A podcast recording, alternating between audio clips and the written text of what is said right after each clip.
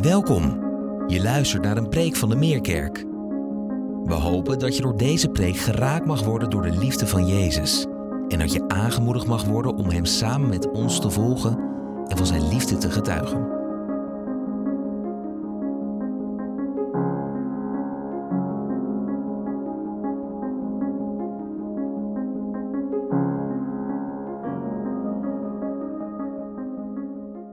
Goedemorgen. Goed om jullie weer te begroeten vanaf hier na een zomerperiode die er bijna op zit. Wat prachtig om dit lied te horen, te zingen met elkaar. We zullen het straks ook te zingen, zingen samen. King of Kings. Praise forever to the King of Kings. En vakantie of niet, gelukkig gaat de kerk door.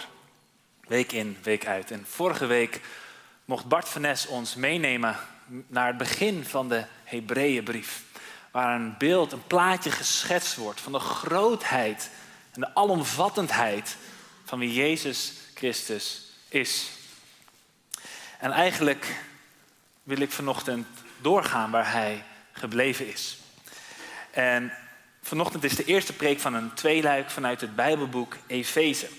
Waar we voort willen bouwen op die gedachte. De grootheid van Jezus. niet alleen van wie Hij is, maar ook de grootheid van Zijn liefde.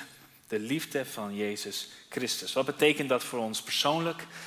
En volgende week zullen we meer nadenken wat het betekent voor ons als collectief, als kerk. En ik wil samen met jullie lezen uit Efeze 3. Dus als je je Bijbel mee hebt genomen, pak hem erbij. Efeze 3 vanuit de MBV 21 vertaling vanaf vers 14. En daar bidt Paulus een gebed. En het gebed luidt als volgt. Daarom buig ik, Paulus, mijn knieën voor de Vader, die de Vader is van elke gemeenschap in de hemelsferen en op aarde. Mogen Hij vanuit zijn rijke luister u innerlijke kracht en sterkte schenken door zijn geest zodat door uw geloof Christus kan gaan wonen in uw hart en u geworteld en gegrondvest blijft in de liefde. Want dan zult u met alle heiligen in staat zijn de lengte en de breedte, de hoogte en de diepte te begrijpen, ja, de liefde van Christus te kennen, die alle kennis te boven gaat. Opdat u geheel vervuld zult raken van de volheid van God. Aan Hem, die door de kracht die in ons werkt bij machten is oneindig veel meer te doen dan wij vragen of denken. Aan Hem komt de eer toe, in de kerk en in Christus Jezus, van geslacht op geslacht tot in eeuwigheid. Amen. Wat een gebed. Beter krijg je ze bijna niet. En als we dit zouden lezen in de Griekse brontekst, dan zou je drie keer het woordje ina tegenkomen. Dat is een voegwoord, betekent heel simpel dat of zo dat of op dat. En eigenlijk is het gebed op die manier opgebouwd. Hij bidt om drie dingen. Hij bidt dat God je innerlijke kracht geeft door zijn geest. Hij bidt dat je de liefde van Christus zult kennen. Opdat je ten derde geheel vervuld zult raken van de volheid van God. Met andere woorden, hij bidt om de kracht van de geest, om de liefde van Christus en de volheid van God. Daar willen we bij stilstaan vanochtend. En dan beginnen bij het eerste. De kracht van de geest. Voor, voor je innerlijke wezen, voor je innerlijke mens, vertaalt de herziende statenvertaling het. En het eerste wat je misschien opvalt, of de eerste vraag die je misschien kan stellen is, hoe kan dit? Dat hij hierom vraagt. Dat is eigenlijk een beetje vreemd. Want je zou denken dat Paulus schrijft naar de gemeente in Efezië. De Efeziërs. Dat zijn christenen. En die christenen hebben de Heilige Geest al. Als het goed is, kennen ze die kracht van de Heilige Geest. Sterker nog, Paulus begint zijn brief daarmee.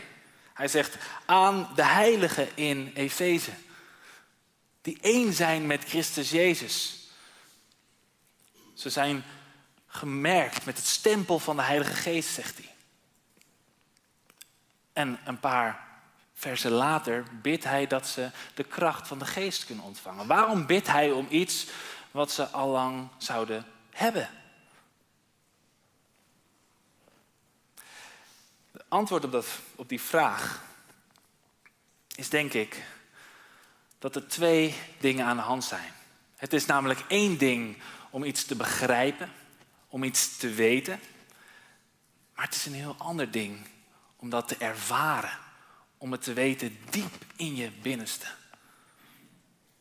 En dat is wat Paulus probeert met dit gebed, waar een heel betoog heeft gehouden over wie Jezus is. Zijn grootheid, zijn identiteit.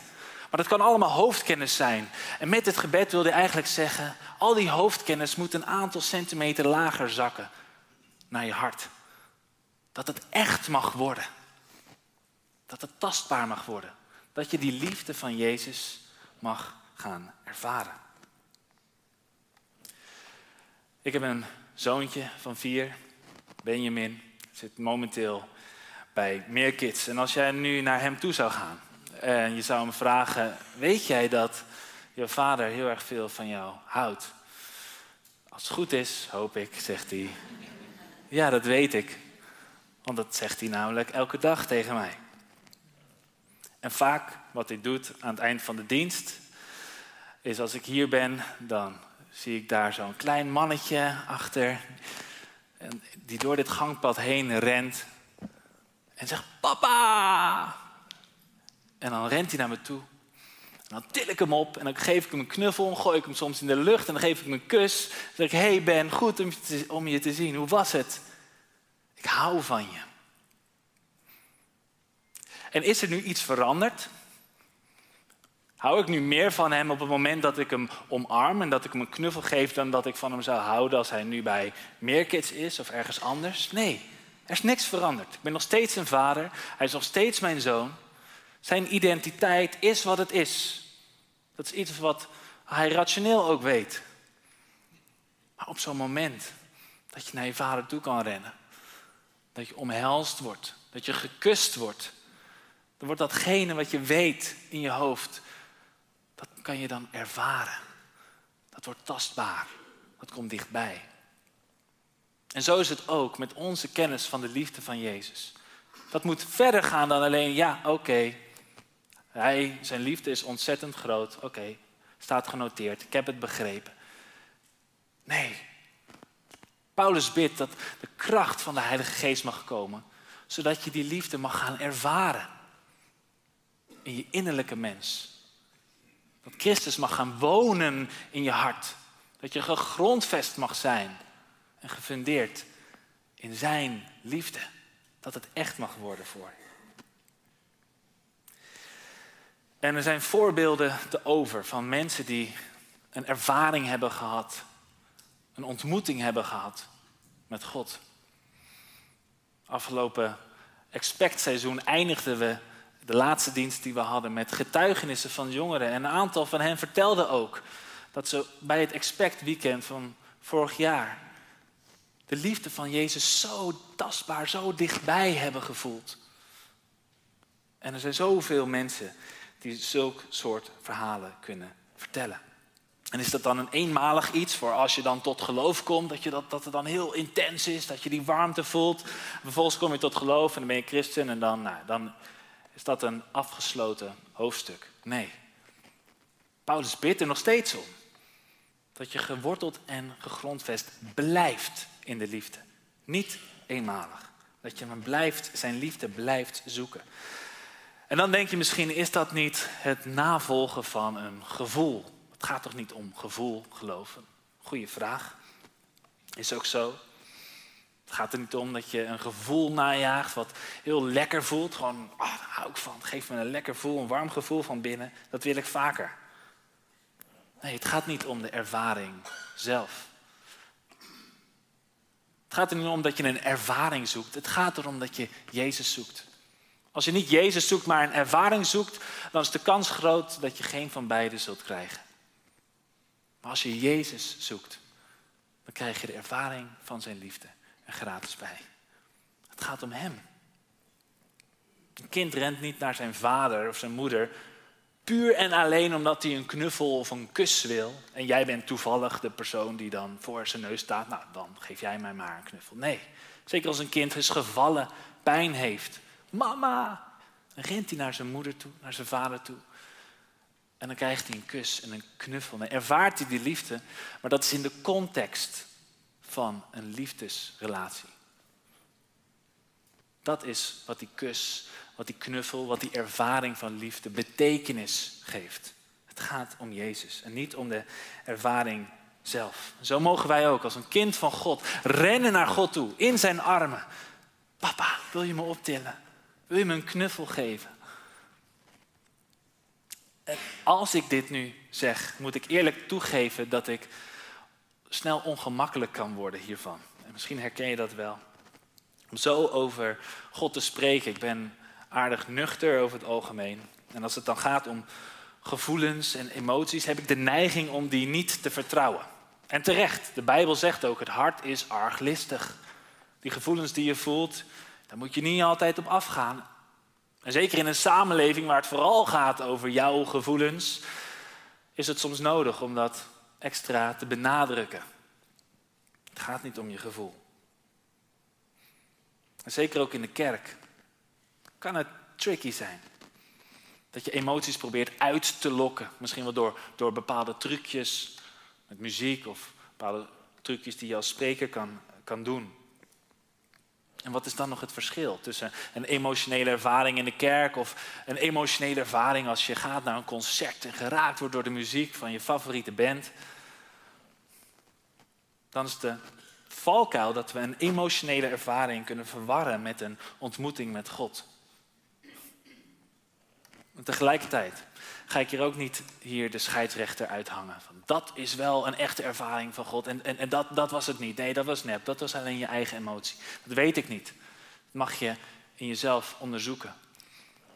Maar in voorbereiding op deze preek heb ik heel wat verhalen gelezen van mensen die beschrijven hoe ze een ontmoeting hebben gehad met God. En Gods liefde hebben ervaren. En wat me opviel, is dat ze twee dingen altijd benoemden. Als eerste een, een warm gevoel van binnen.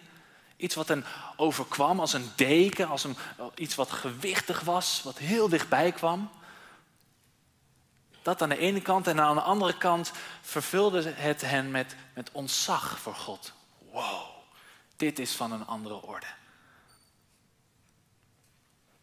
Dat is wat er gebeurt als je de liefde van God persoonlijk en dichtbij mag ervaren. En het vervelende is, is dat we, als je kijkt alleen al naar de verschillende kerken, de verschillende denominaties, dat we heel snel geneigd zijn om ergens de nadruk op te leggen. De ene kerk legt heel erg de nadruk op dat gevoel en de emotionele ervaring en de beleving. Dat is belangrijk. En ja, de inhoud en, en kennis over de Bijbel is ook belangrijk, maar het gaat vooral om die beleving. Terwijl aan de andere kant van het spectrum heb je kerken die zeggen: nee, gevoelens en emoties, nee, daar moet je mee oppassen hoor. En wat mystieke gedoe, nee, het gaat om dogma's en om Bijbelkennis, om de regels, weten wat zijn geboden zijn, gehoorzaam zijn. En beide kerken hebben gelijk. Wat wij misschien kunnen doen is niet wat Paulus doet, namelijk het scheiden van hoofd en hart.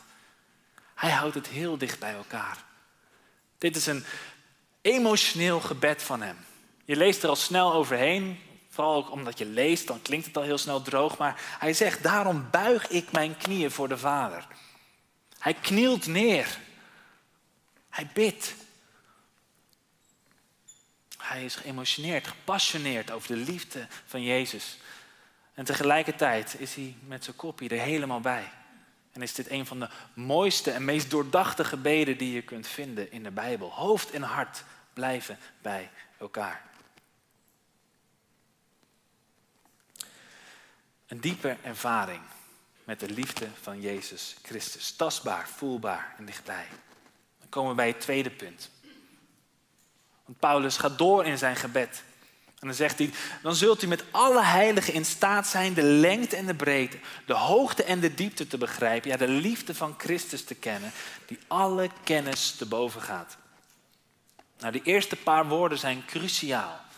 Samen met alle heiligen. Het ervaren van Gods liefde is niet alleen een aangelegenheid tussen jou en de Heer. Maar het is een aangelegenheid tussen Jezus en zijn kerk. Omdat dit zo'n belangrijk punt is, wil ik daar volgende week meer op inzoomen. Eerst vandaag willen we stilstaan bij hoe die liefde, hoe je die persoonlijk kunt kennen. Hoe je die kunt begrijpen, zoals Paulus zegt. En dan denk je misschien, zie je wel, Paulus, hè, slimme man, intellectueel en het wordt weer een rationeel verhaal. Het gaat weer om het begrijpen van liefde. Hoofd in plaats van hart. Maar het gaat dieper dan alleen rationeel begrijpen.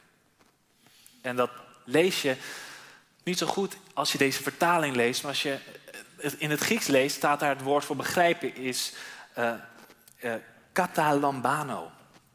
Katalambano. En dat is meer dan alleen begrijpen. Het is begrijpen, maar het is eigenlijk nog meer gegrepen worden ergens door. Dat het kwartje valt. Ah, oh, dit is, dit is het. Eindelijk zie ik het licht. Nu begrijp ik het pas. En het is een woord wat op heel veel verschillende manieren vertaald zou kunnen worden. Een van de plekken in het Nieuwe Testament waar het woord ook gebruikt wordt, is in de brief aan de Thessalonicense, de eerste brief, ook van Paulus. En dan spreekt hij over de dag dat Jezus terugkomt. En dat je overvallen zult worden over die dag, omdat hij komt als een dief in de nacht. Je wordt overvallen. Dat is wat dat woord heeft. Je wordt ergens door verrast. Je wordt overvallen. Iets wat jou overmeestert. En zo mag het ook zijn met de liefde van Jezus. Niet iets wat je begrijpt, maar iets wat, waardoor je gegrepen wordt. Waardoor je verrast wordt. Waardoor je denkt van, oh, dit grijpt mij in mijn nek. Nu snap ik het. Nu landt het pas. Het is niet alleen hoofdkennis. Het is kennis wat je ervaart, wat een diepe indruk op je achterlaat. Stel je voor, als Benjamin een paar jaar ouder is en ik zou hem apart nemen. En heel lullig, had ik nu gaan zeggen. Stel je voor dat ik zeg, Ben, ik geloof niet in je. Je kan niks. Je bent een nietsnut. Je gaat niks bereiken in je leven.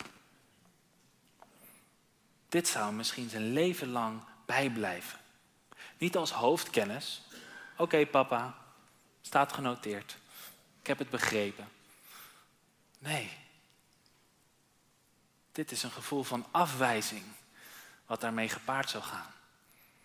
En zo lopen wij allemaal rond met kennis in onze hoofd, wat dieper gaat dan alleen hoofdkennis.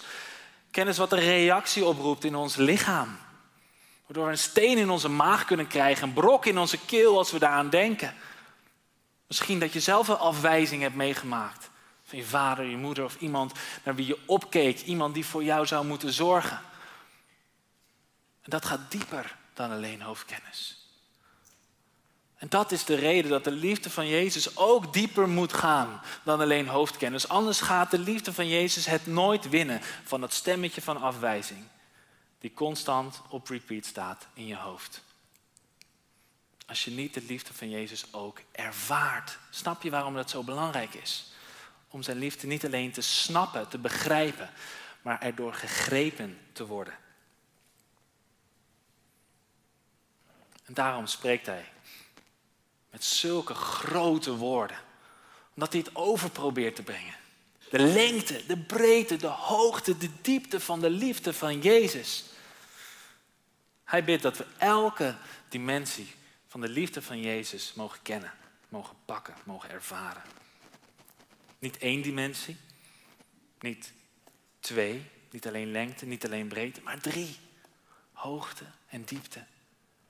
Zou kunnen zeggen, de liefde van Jezus is driedimensionaal. Nou, hier komt onze 3D-bril om de hoek kijken. Jullie vroegen af, waar gaat dit verhaal naartoe? Maar normaal gesproken, als wij naar de bioscoop gaan, dan is het 2, 2D, tweedimensioneel. Gewoon lengte, breedte. Totdat je zo'n bril opzet. En dan wordt er een dimensie toegevoegd. Nou, zullen we de, de bril gewoon eens uittesten? Kijken of hij het doet. Ik heb een hele mooie foto meegenomen van een prachtig schilderij die we allemaal wel zullen kennen. Het meisje met de parel van Vermeer. Kijken of hij het doet. Doet het al iets? Heb, heb je al het gevoel dat ze wat, wat meer uit, eh, dicht, dichterbij komt? Nou, misschien als we dit proberen. Als we haar een bril op zouden zetten. nou, dit, dit is al iets beter. Hè? Nou, misschien als we, als we dit proberen, dat het dan. Uh...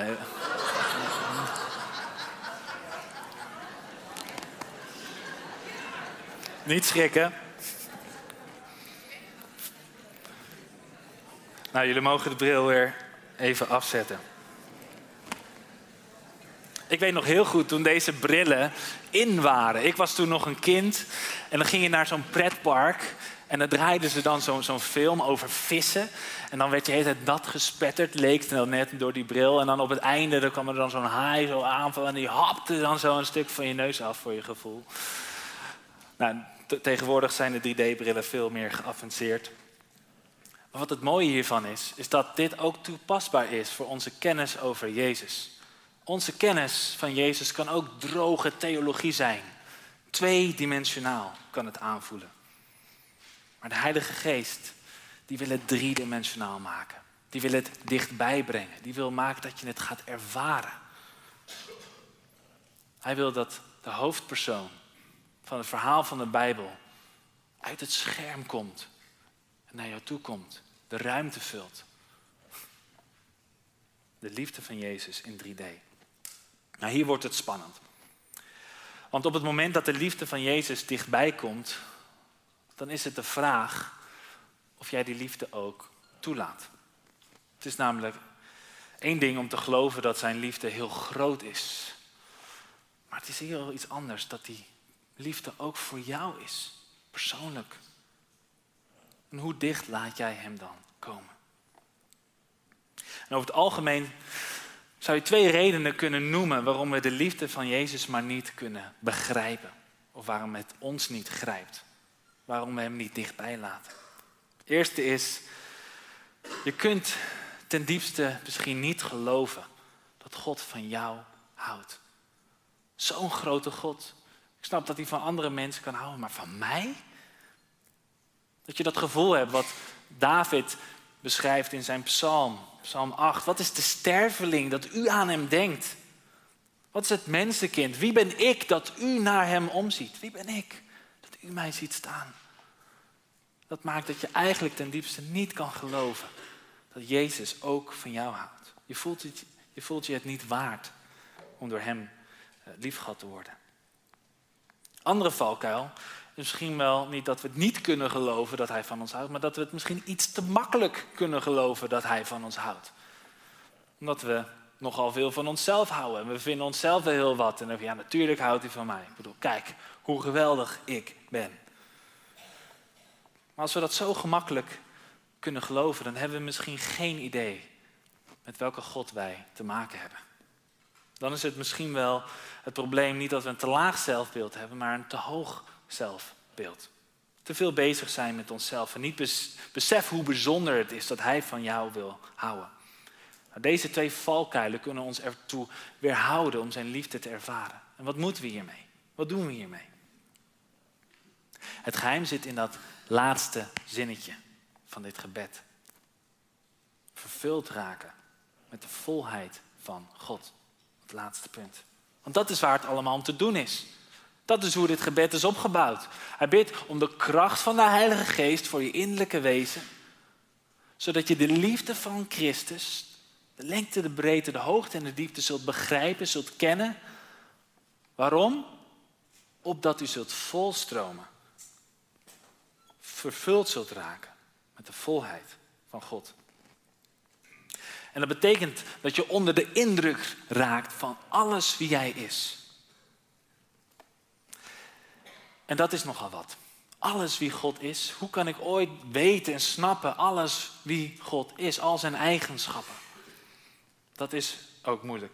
God heeft vele eigenschappen, maar om ze grofweg te categoriseren zou je kunnen zeggen dat ze altijd wel vallen in een van de twee categorieën. Of het is deel van de zachte kant van God, van zijn, van zijn liefde, zou je kunnen zeggen, zijn genade, zijn barmhartigheid. Hij komt dichtbij. Of het zijn eigenschappen die passen bij de harde kant van God. Zijn grootheid, zijn heiligheid, zijn rechtvaardigheid. Eén van die twee categorieën. En als je de Bijbel leest, kom je ze om de havenklaap allebei tegen. De ene bladzij spreekt God zo liefdevol over zijn volk. Ik zal je nooit verlaten. Ik zal altijd van je houden. Ik zal je altijd weer vergeven. En de volgende bladzijde is het: nee, ik zal je niet vergeven. Wat je hebt gedaan is onvergeeflijk. Ik ben een heilig God. Ik ben een rechtvaardig God. Ik ben boos, zijn woede. Die twee categorieën, die zitten in de volheid van God. Liefdevol en heilig. En wij hebben de neiging om deze twee uit elkaar te trekken. Om het een te benadrukken en het andere achterwege te laten. Om niet de volheid van God te zien, te aanschouwen. Dan mag ik je weer vragen om de 3D-bril op te zetten. Nog een keer. En als je dat doet, mag je met je rechterhand het rechterglas bedekken. Zodat je alleen nog maar uh, door het rode glas kijkt. Ik zal mijn bril ook even bijpakken. En als je dat doet, en je bedekt één glas, dan zie je maar één kant van de liefde, nee, van de eigenschappen, de volheid van God. Alleen maar zijn heiligheid, zijn rechtvaardigheid. En als je dat benadrukt, je mag hem even ophouden, ik doe hem even af. Als je dat benadrukt, dan word je zo klein. Dan denk je, wie ben ik? Als u zo heilig bent, als u zo rechtvaardig bent, als u zo groot bent, dan kan je je zo klein gaan voelen. En dan kan het resultaat zijn dat je een laag zelfbeeld krijgt. Je wordt onzeker. Een minderwaardigheidsgevoel. En als dat gebeurt, dan ben je vatbaar voor de listen van de tegenstander, van de Satan. En die gaat je dan proberen aan te klagen, de aanklachten van de duivel. Die ziet van, zie je wel, kijk hoe heilig hij is. Andere mensen kan hij misschien wel vergeven, maar wat jij hebt gedaan, dat zal hij nooit vergeven. Je hebt het verprutst, je bent niks waard. Kijk dan naar zijn heiligheid. Hij gebruikt de Bijbel om je aan te klagen en je voelt je zo klein. Terwijl, als we nu onze hand met het andere glas bedekken, onze linkerhand, en we zien alleen de liefde van God. We zien alleen maar zijn genade, zijn barmhartigheid. Het kan zomaar zijn dat we te licht denken over zijn heiligheid. En dat we denken, ah, God is liefde. Dus het maakt eigenlijk niet uit wat ik doe. Hij vergeeft me toch wel. Je krijgt een te hoog zelfbeeld, zou je kunnen zeggen. Dat je te veel vertrouwen krijgt. Dat je te veel denkt van ik kan alles wel maken. En op het moment dat het even tegen zit, dan bid ik tot God. En dan geeft hij mij weer een warm gevoel. Nee, ik vergeef je. En je zet hem op en ga weer verder. En vervolgens leef je je leven gewoon zoals je het altijd, altijd hebt gedaan. En denk je nooit aan, wat zou God vinden van wat ik doe? Nee. De liefde als een vrijbrief, vrijbrief om te doen wat jij wil. Een vrijbrief om te zondigen. Een God van liefde. Er wordt veel over gesproken, ook in de wereld. Mensen die niet per se christen zijn, maar wel zeggen: Ik geloof wel in een God. En die zeggen dan: Ik ben spiritueel, maar ik ben niet religieus. Ik hou van een God van liefde, maar niet een God van wetjes en van regels. Soort liefdevolle, kosmische kracht in het universum. Als iemand in zo'n God gelooft, is er eigenlijk maar één vraag die je die persoon zou kunnen stellen. Zou moeten stellen misschien wel. En dat is de vraag, die God van jou, hè? die kosmische God, die liefdevolle kracht. Wat heeft het die God gekost om jou lief te hebben? Ja, helemaal niks. Het is gewoon een God die alles goed vindt. Zal ik eens vertellen over mijn God? Mijn God is Jezus. En het heeft hem alles gekost om mij lief te hebben. Hij gaf zijn leven voor mij, voor jou, aan het kruis. En aan het kruis, daar zien we de volheid van God.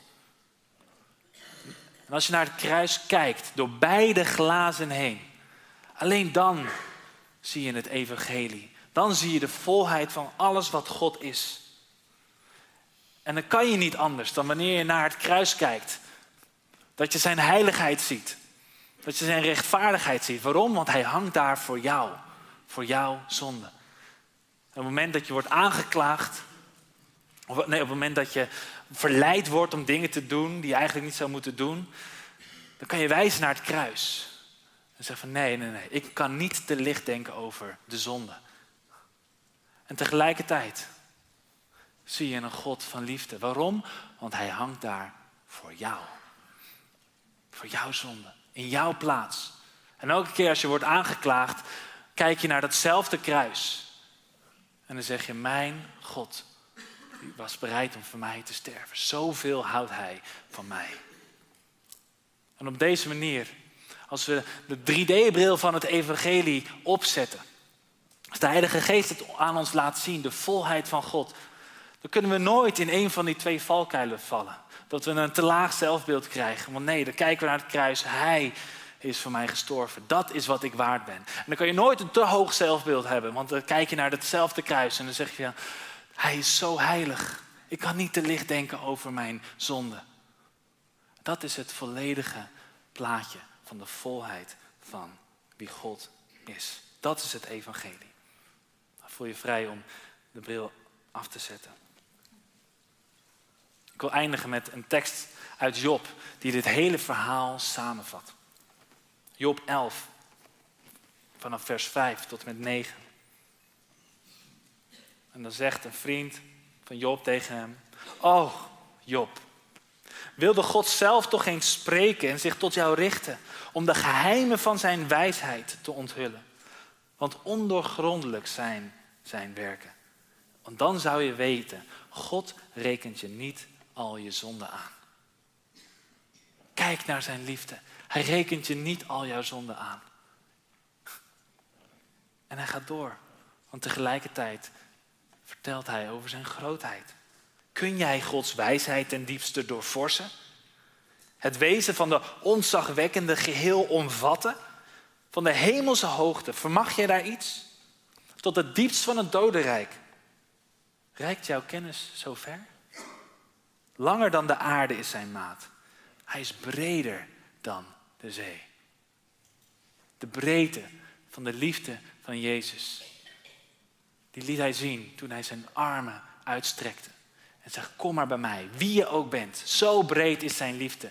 Waar je ook vandaan komt, wat je ook gedaan hebt. Iedereen is welkom bij Jezus. Dat is zijn liefde. De lengte van zijn liefde, hij is tot het einde gegaan, tot het gaatje gegaan, om jou en mij te redden. Verder dan wie dan ook. De diepte van zijn liefde.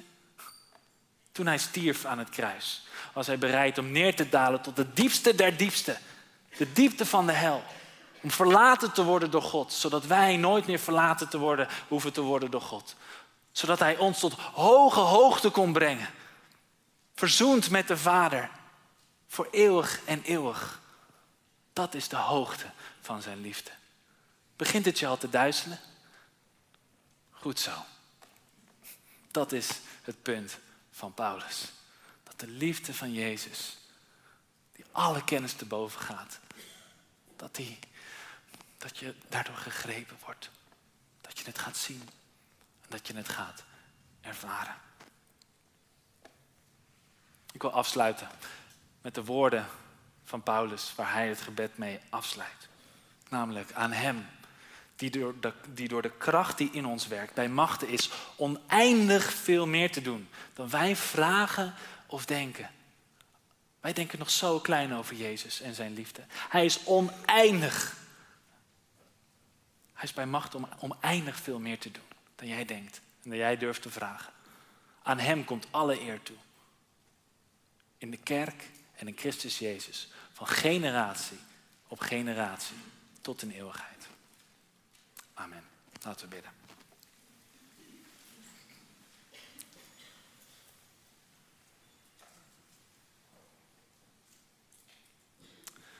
O Heer, als we stil worden. Als we stil worden om dit diep tot ons door te laten dringen. Alle dimensies van uw liefde. Dan gaat dat onze kennis te boven. Maar door de kracht van uw geest kunnen we datgene begrijpen wat eigenlijk onbegrijpelijk is. Dat u van een mens houdt, zoals ik. Zoals wij, zoals we hier zitten. Dat u ons ziet staan.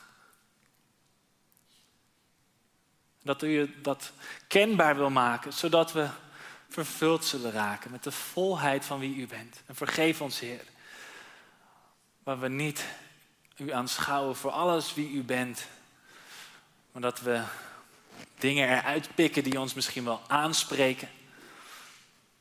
Maar help ons, Heer, om naar u te kijken door de bril van het evangelie, zodat we de volheid van wie u bent zullen zien. En niet zullen vervallen in al die valkuilen die op de loer liggen. Maar dat we u zullen zien wie u bent. Ik weet, u wilt u in deze momenten van stilgebed een werk doen. Dichtbij komen. Wilt u in die derde dimensie stappen. En door uw geest, de kracht van uw geest, onze innerlijke mens, kracht en sterkte schenken. Zodat we mogen voelen en ervaren dat u, Jezus, in ons hart woont. En dat we geworteld en gegrondvest zullen zijn in die liefde. Wilt u dat doen in deze momenten van stilgebed?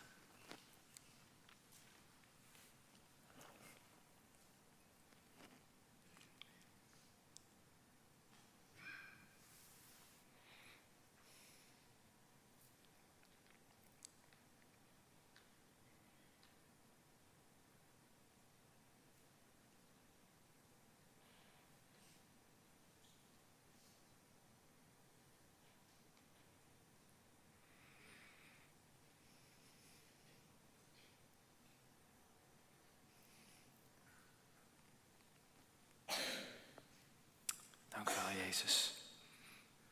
Dank u wel voor de lengte en de breedte, de hoogte en de diepte van uw liefde. Amen.